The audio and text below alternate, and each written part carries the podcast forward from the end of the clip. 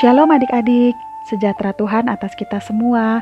Di mana pun kalian berada, Tante berharap kita semua terus menikmati kebaikan Tuhan. Kita akan mendengarkan firman Tuhan, kita akan bersama-sama merenungkannya pada saat ini. Kalian sudah siap? Kalau sudah, yuk kita berdoa terlebih dahulu. Mari kita berdoa. Bapa kami yang di surga, terima kasih untuk hari ini Tuhan. Kami bersyukur untuk kasih setia Tuhan atas hidup kami. Kami akan mendengarkan firman-Mu Tuhan, kami akan merenungkannya bersama-sama.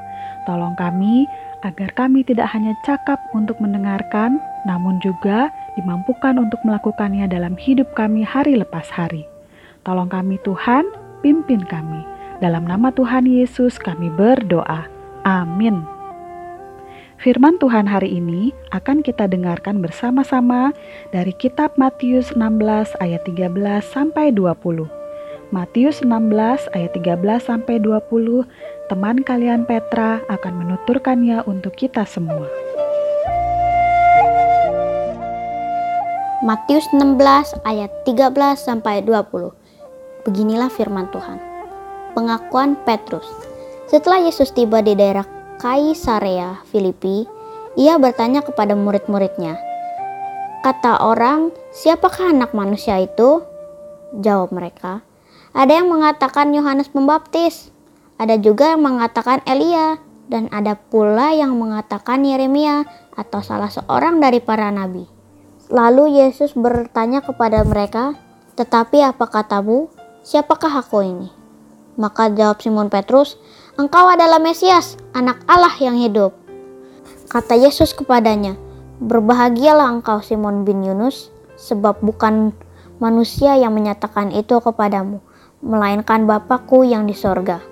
Dan aku pun berkata kepadamu, Engkau adalah Petrus, dan di atas batu karang ini aku akan mendirikan jemaatku, dan alam maut tidak akan menguasainya.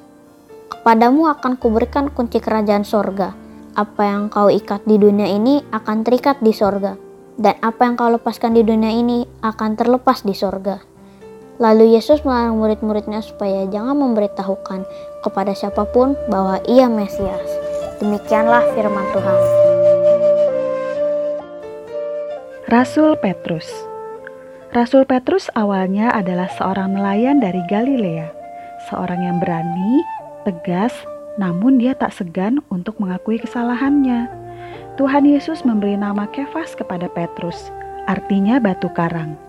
Suatu saat Petrus bersama dengan sebelas orang murid lainnya sedang berkumpul. Tuhan Yesus telah mendengar berita tentang siapakah dia menurut orang lain. Namun ia bertanya kepada para muridnya, "Tetapi apa katamu? Siapakah aku ini?" Siapakah yang menjawab terlebih dahulu?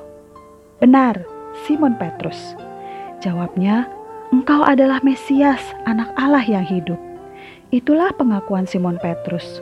Tuhan Yesus menyebut Simon Petrus berbahagia karena Bapa di sorga menuntun dia untuk menjawab seperti itu.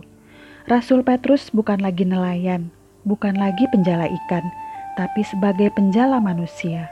Tuhan Yesus memakai Petrus untuk membawa banyak orang untuk percaya kepada Kristus dan diselamatkan. Jikalau pada saat ini adik-adik mendapatkan pertanyaan seperti Rasul Petrus terdahulu, apakah jawab kalian? Menurut adik-adik, siapakah Yesus Kristus bagi diri adik-adik sendiri?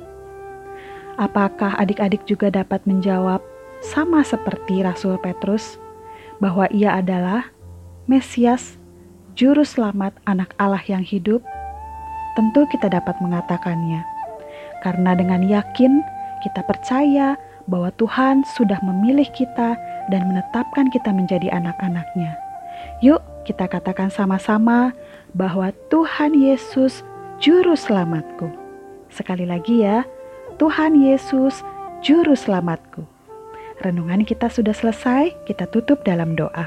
Mari kita berdoa. Bapa yang di sorga, kami percaya bahwa Yesus Kristus adalah Tuhan dan Juru Selamat kami. Terima kasih karena Tuhan Yesus telah menyelamatkan dan mengampuni dosa-dosa kami. Pakailah kami untuk menceritakan tentang Kristus kepada orang lain. Dalam nama Tuhan Yesus kami berdoa. Amin. Tuhan Yesus memberkati.